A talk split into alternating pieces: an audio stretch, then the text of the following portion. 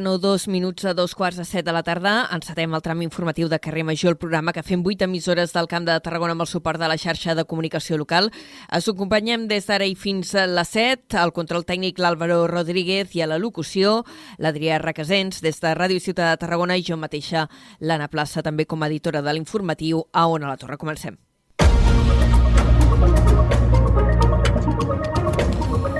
I comencem abordant la situació d'aquest incendi forestal que s'ha declarat aquesta matinada entre els termes de la Selva del Camp i de Vilaplana. Els bombers ja l'han donat per estabilitzat. Un foc que ha cremat prop de 20 hectàrees situats entre aquests termes de la Selva, Vilaplana i l'Albiol. Adrià Requesens, bona tarda. Bona tarda, Anna. Doncs sí, fins a 39 dotacions terrestres han treballat en l'extinció d'aquest foc que s'ha originat poc després de les dues de la matinada. Ens ho explica des de de Ràdio La Selva, l'Antonio Mellado. Un incendi forestal ha afectat des d'aquesta matinada a la zona del Garramell de la Selva i ha cremat una extensió aproximada d'unes 20 hectàrees, atiat per fortes ratxes de vent de fins a 70 km per hora que han dificultat les tasques d'extinció. Els bombers han donat el foc per estabilitzat cap a les 12 del migdia. A mig matí, però, preocupava que un canvi de vent pogués fer saltar el foc del perímetre on s'ha treballat, donat que podria implicar l'obertura d'un nou front. Ho explica Juanma González, sotsinspector del cos de bombers de Barcelona. Han cremat unes 15-20 hectàrees de massa forestal amb un potencial total d'unes 400 hectàrees. Eh, tenim les, el, les sortides de, del foc directe per vent tallades i el que ens preocupa realment que un focus secundari pugui, pugui pugui travessar la cresta i, i fer incrementar aquesta massa forestal cremada. El foc s'ha iniciat per causes encara desconegudes, tot i que, segons apunten els agents rurals, es troben treballant amb la hipòtesi d'una crema de restes vegetals mal apagada, de la qual ja n'haurien identificat el presumpte autor. L'avís del foc s'ha rebut poc després de les dues de la matinada. Escoltem a Jordi Vinyals, alcalde de la Selva. A través dels eh, guàrdies municipals nostres de la Selva, ens han comunicat aquesta, aquesta incidència i bueno, ha començat a la zona aquesta del Garramell. Des d'allà el foc ha començat a pujar a muntanya amunt i ha, o sigui, iniciat doncs, el terme municipal de la Selva, ha entrat cap al terme municipal de l'Albiol. Al voltant de les 7 del matí i fins als vols de les 11, bombers i Mossos d'Esquadra han tallat la carretera TP7013 entre la Selva i Vilaplana per tal de facilitar la circulació dels vehicles d'extinció. Moltes gràcies, Antonio. A més d'aquest incendi a la selva, aquest matí també se n'ha declarat un altre al Parelló. Els bombers eh, també l'han pogut ja, en aquest cas, donar per controlat. Eh, és l'última actualització que havien fet aquest foc cap a les 5 de la tarda eh, i queden però desplaçades una quinzena de dotacions de bombers que encara remullen la zona. En aquest cas, la superfície afectada seria molt menys, no arribaria a l'hectàrea. I com a última hora acabem de saber que els bombells, els bombers encara estan treballant en un tercer incendi forestal declarat avui a la demarcació de Tarragona, en aquest cas a Calafell, al Baix Paradès, un foc que cremaria a la zona boscosa de la muntanya de l'Escamorça. La policia local, a més, està desallotjant els veïns del camí de Camanela. Com dèiem, una última hora. Tot això molt vinculat amb aquest episodi de ventades que s'està vivint al camp de Tarragona i que fins a les 1 del migdia ha provocat que els bombers hagin hagut d'atendre fins a 13 avisos per incidències que ha generat el vent aquí a les nostres comarques, a les comarques del Camp de Tarragona. La majoria d'aquestes incidències estaven relacionades amb arbres caiguts o algunes altres actuacions menors. De fet, un dels indrets més afectats pel vent ha estat l'Hospitalet de l'Infant. Ens informa des d'allí, des de la ràdio L'Hospitalet de l'Infant, l'Iris Rodríguez. Les fortes ratxes de vent han estat les protagonistes aquest dimarts 14 de març i han deixat diverses incidències en alguns indrets de Vandellós i l'Hospitalet de l'Infant, com és el cas del desplaçament d'una de les porteries del camp de futbol de l'Arenal, que el vent l'ha mogut fins al passeig marítim. També en un domicili de Vandellós s'ha trencat un vidre i part de la cornisa de la façana de la casa. A més, a la carretera C44, a l'alçada de la cantera, el vent ha portat un tub metàl·lic al voral de la via. La caiguda de senyals de trànsit és una altra de les afectacions més rellevants a causa del vent. La policia local de Vandellós i l'Hospitalet de l'Infant, així com la Brigada d'Obres i Serveis, han protegit les zones on s'han produït els incidents. La ratxa màxima registrada avui dimarts ha estat de 108 km per hora a les 8 del matí en el cas de l'Hospitalet de l'Infant i 88 km a Vandellós a tres quarts d'una de la matinada. Moltes gràcies, Iris. Abordem altres qüestions. Avui també tenim notícies importants en l'àmbit econòmic, industrial. La companyia BASF ha anunciat que instal·larà un nou hub d'enginyeria a la Canonja, al polígon petroquímic sud, on preveuen desenvolupar projectes per tota Europa. El director general del grup Espanya, Carles Navarro, ha anunciat avui durant la presentació dels resultats econòmics anuals de la companyia. També s'ha destacat que el centre de producció de BASF al polígon sud és de la primera empresa química en disposar de tecnologia 5G per poder operar. Des de Ràdio Ciutat de Tarragona ens ho amplia la Laura Rovira. BASF ha augmentat les seves inversions al 2022 fins als 50 milions d'euros, superant les previsions de l'empresa de 44 milions. Així ho han confirmat els resultats del grup Espanya presentats aquest dimarts, els quals també reflecteixen un augment de vendes del 16%. Més enllà d'aquests resultats, el director general general de la companyia, Carles Navarro, ha anunciat que Espanya acollirà un nou hub internacional d'enginyeria i que una de les seus escollides és Tarragona. Un fet que, segons Navarro, representa la confiança en el talent i el futur del territori. Somos ambiciosos. Vamos a contratar todas las personas que nos, que nos pida el grupo. Eh, de momento no hay una cifra estimada. Eh, pueden ser algunas decenas o pueden ser más en función de cuántos proyectos acaban llegando. Eh, la decisión está tomada. El grupo confía en Tarragona como base para crear equipos nuevos de ingenieros. Estaremos a disposición del grupo para ir creando estas estructuras y dándoles la, la forma i l'organització més eficient. A més, Navarro també ha anunciat que gràcies a l'avenç en la seva instal·lació, el Centre de Producció de Tarragona és de les primeres empreses en Espanya i la primera química en rebre un espectre privat de 5G propi per poder operar.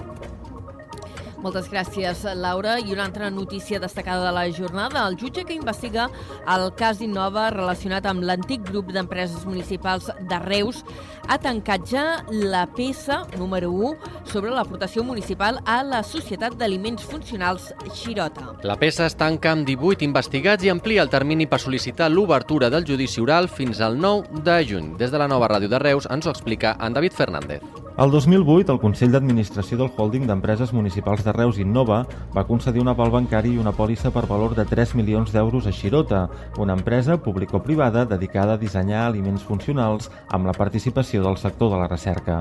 El jutge creu que una aportació així l'hauria d'haver autoritzat al ple i que s'hauria d'haver limitat a una xifra no superior al 40% del capital de Xirota.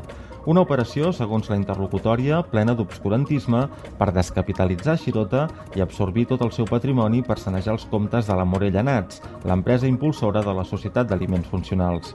A la interlocutòria, el magistrat també assenyala que l'exdirector d'Innova, Josep Prat, l'exdirectora financera Esther Ventura i l'exalcalde de Reus, Lluís Miquel Pérez, són les figures essencials d'un entramat d'empreses municipals dissenyat perquè no hi hagués cap control. Ara, una vegada tancada la peça, aquests excàrrecs són alguns dels 18 investigats per blanqueig de capitals. Una llista on també apareixen tots els regidors del govern tripartit de Reus del moment i de la que n'han quedat fora la exregidora Teresa Gomis o l'exrector de la URB, Lluís Arola. Moltes gràcies, David. Un cas eh, complicat eh, que ens explicaven des de la nova ràdio de Reus. El representant, d'altra banda, eh, una altra notícia, el representant del projecte d'oci del Hard Rock al Tarragonès, James F. Allen, figura als Paradise Papers. La informació l'ha publicat al setmanari La Directa, que ha fet un treball d'investigació sobre els promotors d'aquest macrocomplex turístic que està projectat de fer entre Vilaseca i Salou. El mitjà assenyala que Allen és una de les cares visibles dels promotors del centre recreatiu, també és gerent d'una societat offshore que figura en aquest llistat d'inversions en paradisos fiscals. A més, segons la directa, la societat a què es va concedir la llicència de casino és una empresa fantasma sense activitat des de fa més de 10 anys. Arran d'aquestes informacions, la plataforma Aturem Hard Rock ha carregat avui contra la Generalitat per fer negocis amb aquesta gent. Eloi Redon n'és el portaveu. Volem denunciar eh, tot aquest entramat mafiós que hi ha darrere de l'empresa de Hard Rock, que la Generalitat hagi estat negociant amb defraudadors fiscals i que es concedís una llicència de casino a una societat fantasma. Aquest és un escàndol internacional d'al·lusió fiscal. La plataforma Aturem Hard Rock ha demanat també una reunió amb la consellera d'Economia, Natàlia Masaguix, per abordar aquests fets que consideren un escàndol. I també hi ha hagut reaccions des de l'àmbit polític. La CUP s'ha afegit a les crítiques i la formació anticapitalista ha registrat una bateria de preguntes sobre el Hard Rock. S'hi demana, per exemple, saber si la Generalitat va investigar l'empresa abans de concedir la llicència de casino, si s'estava al corrent eh, que l'interlocutor en aquest projecte era algú que apareix en aquests Paradise Papers. La diputada Laia Estrada ha anunciat que demanaran la compareixença dels consellers d'Economia i Territori i el president de l'Institut Català de Sol per abordar aquest assumpte. Més eh, qüestions. Ara en el capítol de fet divers, els Mossos han atrapat a Tarragona el sospitós de matar un jove ganivetades al centre de Figueres a principis del mes de desembre. El detingut ha passat a disposició del jutjat d'instrucció 3 de Figueres, que n'ha decretat l'ingrés a presó. La investigació assenyala que a ell i la víctima es van barallar durant un robatori que va ser llavors quan li va clavar diverses gabinetades. Després va aconseguir escapar-se de la policia i abans d'abandonar Figueres s'hauria desfet del ganivet als lavabos de l'estació de busos. I avui ha transcendit un nou presumpte cas d'agressió sexual amb menors implicats. Els fets haurien passat a l'Institut Escola Àngel de Tobies del Vendrell i estan sent investigats. Cinc adolescents, tres d'ells menors de 14 anys i, per tant, inimputables, haurien fet tocaments a les dues víctimes que també eren menors d'edat. Els fets van tenir lloc el 3 de març i una setmana després els dos acusats majors de 14 anys van declarar davant de la Fiscalia de Menors. El jutjat d'instrucció número 4 de Tarragona va resoldre la petició de mesures cautelars presentades per la Fiscalia per un delicte d'agressió sexual i va acordar llibertat vigilada i també la prohibició d'aproximar-se a menys de 50 metres de les víctimes. El Departament d'Educació ha garantit que el centre educatiu va actuar de forma ràpida i efectiva després de l'agressió. El cas s'està derivant a la Direcció General d'Atenció a la Infància i Adolescència i també a la Unitat de Suport a l'Alumnat en Situació de Violència, que està activada també des del primer moment.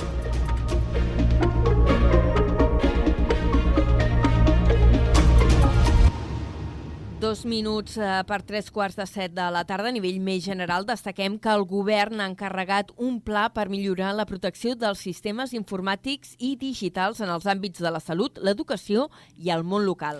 La portaveu de la Generalitat, Patricia Plaja, ho ha anunciat en la roda de premsa posterior al Consell Executiu d'aquest dimarts. Ha explicat que s'ha encarregat a l'Agència de Ciberseguretat un programa de protecció dels sistemes informàtics i digitals per fer-los més resistents, més resilients, volem dir, davant de possibles ciberatacs, com els que hi ha hagut al clínic. D'aquesta manera, el principal òrgan de, de govern, de l'agència, accelerarà el desplegament de les mesures estratègiques precisament per intensificar les tasques, per ampliar els perímetres de protecció i gestió d'aquests tres eixos del sistema sanitari, el d'educació i universitats i recerca, juntament amb el sistema de les administracions locals catalanes, amb un objectiu clar, fer-los més resilients. A banda, l'Agència de Ciberseguretat també està treballant en un protocol per als professionals dels centres hospitalaris per prevenir estafes o ciberincidents. D'altra banda, el govern ha anomenat a Joaquim Palliejà com a nou president del Consell d'Administració de Gestió i Prestació de Serveis de Salut, l'òrgan conegut com a GIPS. Palliejà ocuparà el lloc que fins ara ostentava Dolça Cortassa. També s'ha afegit a l'òrgan de l'empresa sanitària pública de Tarragona, Imma Grau, gerent de la regió sanitària Camp de Tarragona, i Jaume Grifoll, director del sector de la regió sanitària Camp de Tarragona com a nous vocals al Consell. El GIPS és una empresa pública i, entre altres serveis sanitaris, gestiona l'Hospital Sociosanitari Francolí i el Servei de Rehabilitació al Tarragonès i al Baix Camp. Parlem ara de política. Salvador Illa ha destacat avui la capacitat de suma del seu partit de cara a les eleccions municipals del 28 de maig. El líder del PSC ha visitat aquest dimecres al Camp de Tarragona per presentar els candidats socialistes a algunes de les alcaldies. Des d'on a la torre ens ho explica en Josep Sánchez. I ja ha passat primer per Torredembarra, on ha defensat la candidatura de Vale Pino, del qual ha destacat l'oposició sensata que ha fet durant aquests últims quatre anys. Ja a la tarda tenia previst anar a Salou, on el PSC ha arribat a un acord amb la formació de l'actual alcalde, Pere Granados, per concórrer plegats a les eleccions. I Vilaseca, on el cap de llista és Joan Anton Ramírez, que va ser candidat de Ciutadans al 2019. I ja ha defensat aquesta estratègia de sumar reforços externs al PSC per crear candidatures més fortes. En un procés de suma des del PSC, sempre des de la nostra identitat, sempre des del nostre diari socialdemòcrata, amb un espectre molt ampli, insisteixo, molt de suma, molt d'anar endavant, de posar eh, aquests municipis, Torredembarra, Salou, eh, Vivaseca en marxa i per posar Catalunya en marxa. No? El líder del PSC també s'ha referit al projecte del Hard Rock. Ha assegurat que compta amb un ampli suport al territori, creu que donarà prosperitat a la zona i considera que s'estan fent bé les coses perquè tiri endavant. Moltes gràcies, Josep. I a Tarragona la CUP ha presentat les persones que ocuparan els 14 primers llocs de la seva llista a les municipals. L'alcaldable de la formació anticapitalista Eva Miguel n'ha destacat que és gent lluitadora i que forma part de múltiples col·lectius i entitats de la ciutat de Tarragona. Des de Ràdio Ciutat de Tarragona ens ho explica la Laura, la Laura Rovira. Després de que al novembre la CUP fes oficial els cinc primers noms de la seva llista per les eleccions municipals del proper maig, aquest dilluns ha ampliat aquesta llista i ha desvetllat els noms dels següents nou integrants fins a arribar al número 14. Eva Miguel, l'alcaldable de la formació anticapitalista, ha presentat la resta de components de la llista com gent que lluita i que formen part de diversos col·lectius i entitats de la ciutat. Nosaltres avui eh, presentem precisament eh, una sèrie de gent que considerem que és gent que lluita, gent que lluita des de la nostra assemblea local, també des de l'esquerra independentista i també des de diferents col·lectius eh, revolucionaris de la ciutat. Aquesta presentació s'ha portat a terme a la platja del Miracle davant de la plataforma anomenada Mamotreto, ja que segons la CUP és un símbol dels macroprojectes personalistes contra els quals han afirmat que seguiran lluitant. Gràcies, Laura. Ens movem pel territori, anem cap a la Conca, on polítics de zones rurals de Polònia han visitat eh, projectes líders que s'han desenvolupat en aquesta comarca. Aquests projectes, finançats amb fons europeus, són un impuls a l'estratègia de desenvolupament local del Consorci. Ens amplia la notícia la nostra companya de Ràdio Montblanc, la Gemma Bufies. La Conca de Barberà ha rebut la visita de més de 50 membres electes de municipis ubicats a zones rurals de Polònia en el marc del projecte transnacional Rural Business Entrepreneurs Incubator. El Consorci Líder de Desenvolupament Rural del Camp participa d'aquest projecte tant pel seu suport a la creació d'aquests espais com per l'acompanyament a emprenedors que realitza mitjançant el projecte Startup Rural. La intenció és promoure l'intercanvi d'experiències entre emprenedors d'aquests territoris europeus, així com la funció dels vivers agroalimentaris especialitzats per a la promoció d'aquests projectes rurals. Antoni Vitrià és tècnic del Consorci Líder de Desenvolupament Rural del Camp. S'ha la sensació de que ells havien fet una lectura molt positiva de tot aquest conjunt de projectes perquè també van fer una selecció de un de privat, un de públic, perquè líder té aquesta vessant que és, una, és, és bastant heterogeni amb, el, amb la seva implantació i que tinguessin una mica també la comparativa amb el que fan ells amb el seu territori, perquè també ells, doncs, evidentment, tenen el, tenen el grup d'acció local, també tenen els ajuts líder per desenvolupar-se i veure una miqueta les similituds o diferències que tenen a l'hora d'aplicar aquests ajuts i després també com acompanyen en aquests emprenedors. Els polítics polonesos van passar tot el dilluns a Montblanc i van visitar la Fab Lab Rural, el restaurant gastronòmic La Parra i l'antiga cooperativa de vinyaters del municipi. Van acabar la jornada amb un recorregut pel monestir de Poblet. I tornem a la selva del camp, ara no per parlar de l'incendi que s'ha declarat avui, sinó eh, pel projecte eh, pensat pel camí del rec que veurà ampliar el seu recorregut fins al Pantanet. Amb aquesta nova fase, la ruta natural més important de la selva del camp suma 600 nous, nous metres que podran ser practicables a partir d'aquest mateix mes de març. Ens ho explica des de Ràdio La Selva l'Antonio Mellado. Comencen les tasques de desbrossament i condicionament del nou tram del Camí del Rec, que veurà ampliar el seu traçat fins a l'alçada del Pantanet. D'aquesta manera, la ruta natural i familiar del municipi salvatà suma prop de 600 nous metres i arriba ja fins als gairebé 5 quilòmetres i mig de recorregut completament practicable a peu. En els darrers mesos, l'Ajuntament ha estat gestionant els diversos permisos administratius previs a l'execució dels treballs de desbrossament. Una primera fase contempla la neteja i adequació de tota la zona, poblada per una gran quantitat d'espècies invasores. Una vegada finalitzin aquestes tasques, se senyalitzarà l'entorn amb tanques de fusta degudament integrades a l'entorn i diversa cartelleria informativa. Escoltem Enric Roberto, regidor de Medi Ambient de l'Ajuntament de la Selva. Ara el que estem doncs, és consolidant el camí, eh, veient el tram, o sigui, quan tenim ja definit per on es passa que està consolidat, doncs el següent pas serà el de ja doncs, marcar-ho tot i senyalitzar-ho doncs, perquè el pas doncs, sigui el més segur possible. La idea és que mm, a finals de març pugueu tindre obert per poder doncs, eh, també ja aprofitant la primavera i el bon temps doncs, poder gaudir doncs, de tot aquest tram de, del camí del rec. Els treballs d'adequació d'aquest tram van a càrrec d'un grup d'usuaris de Prodisca. A través d'aquest conveni de col·laboració s'aconsegueix no només ajudar a la inserció laboral de persones amb diversitat funcional, sinó també promoure la feina de persones residents a la selva i a les poblacions veïnes. I encara a la selva expliquem com s'han tancat els actes de commemoració del 8 de març, del 8M. S'ha fet amb la segona edició del Correfoc femení. Prop d'un centenar de diableses d'arreu del Camp de Tarragona han alçat la veu en una carta carretillada exclusivament protagonitzada per dones. Novament, des de Ràdio La Selva, Antonio Mellado. La comitiva del foc ha estat integrada per representants dels Diables de Riudoms, els Banyuts de Castellvell, els Cagarrieres de Cambrils, els Diables del Morell i les anfitriones salvatanes. Les timbaleres de les respectives agrupacions han fet ressonar els seus tabals des del portal de Vall fins a la plaça de Sant Andreu, punt des del qual ha arrencat el correfoc. Abans, però, s'ha fet lectura del manifest Cremem la desigualtat, un text consensuat des de la colla salvatana que ha clamat pels drets de les dones i ha denunciat les situacions d'injustícia que encara pateixen en àmbits com el social, el laboral i molt especialment el de la cultura popular. Escoltem a Pepi Sans, portaveu de la colla de Diables Salvatana. Hem de continuar reivindicant eh, els assajaments que, que, que tenim les dones, eh, les diferències que hi ha salarials, so, socials, i, i no és que sigui una festa, sinó és una, pot ser, és una festa reivindicativa i és una reivindicació total. Des de, hem de ser visibles des de tots els àmbits i des del cultural també. L'encarregada de donar l'inici al correfoc ha estat la convidada d'honor de la vetllada, Helena Llagostera, qui va ser la primera dona cap de colla d'una agrupació castellera puntera, com és el cas de les joves xiquets de Valls.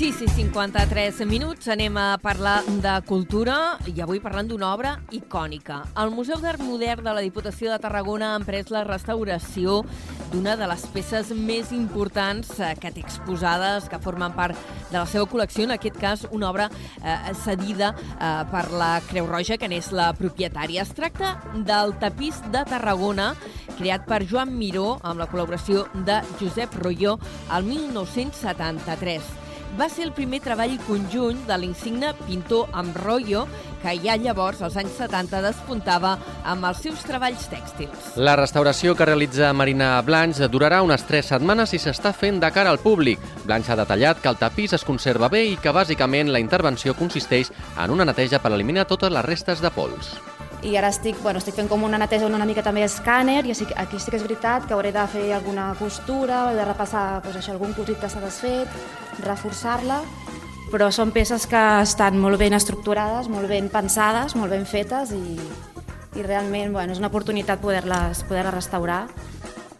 A la presentació dels treballs de restauració també hi ha assistit l'artista Josep Arroyo, que ha destacat la importància d'aquesta obra que per a ell va ser important donat que era la primera d'un seguit de col·laboracions amb Joan Miró. Doncs que per mi que té una gran importància perquè aquesta va ser en el primer tapís que vaig fer jo junt amb el Joan Miró. Després de fer amb aquests tapissos, ja van, doncs, que ja van fer-me eh, doncs 15 doncs, que tapissos amb uns de grans grans. Però d'aquí va néixer l'amor i el carinyo que vaig tindre amb el Joan Miró. Cal recordar que en paral·lel al Museu d'Art Modern de la Diputació de Tarragona eh, precisament acull aquests dies una exposició retrospectiva de l'obra de Josep Royo. I parlem ara d'una proposta educativa vinculada també amb l'art. Els alumnes de tercer de l'escola La Portalada d'Altafulla recreen l'obra del pintor Josep Sala i Llorenç. El centre du a terme un projecte de coneixement cultural i cura dels béns patrimonials de la vila. El següent artista objecte d'estudi serà el reconegut ceramista i escultor Martí Royo. Des d'Altafulla Ràdio ens en dona més detalls la Carol Cubota. Els alumnes de tercer de l'escola La Portalada han visitat l'Ajuntament d'Altafulla per conèixer i interpretar l'obra del primer fill adoptiu de la vida, el pintor Josep Sala Llorenç.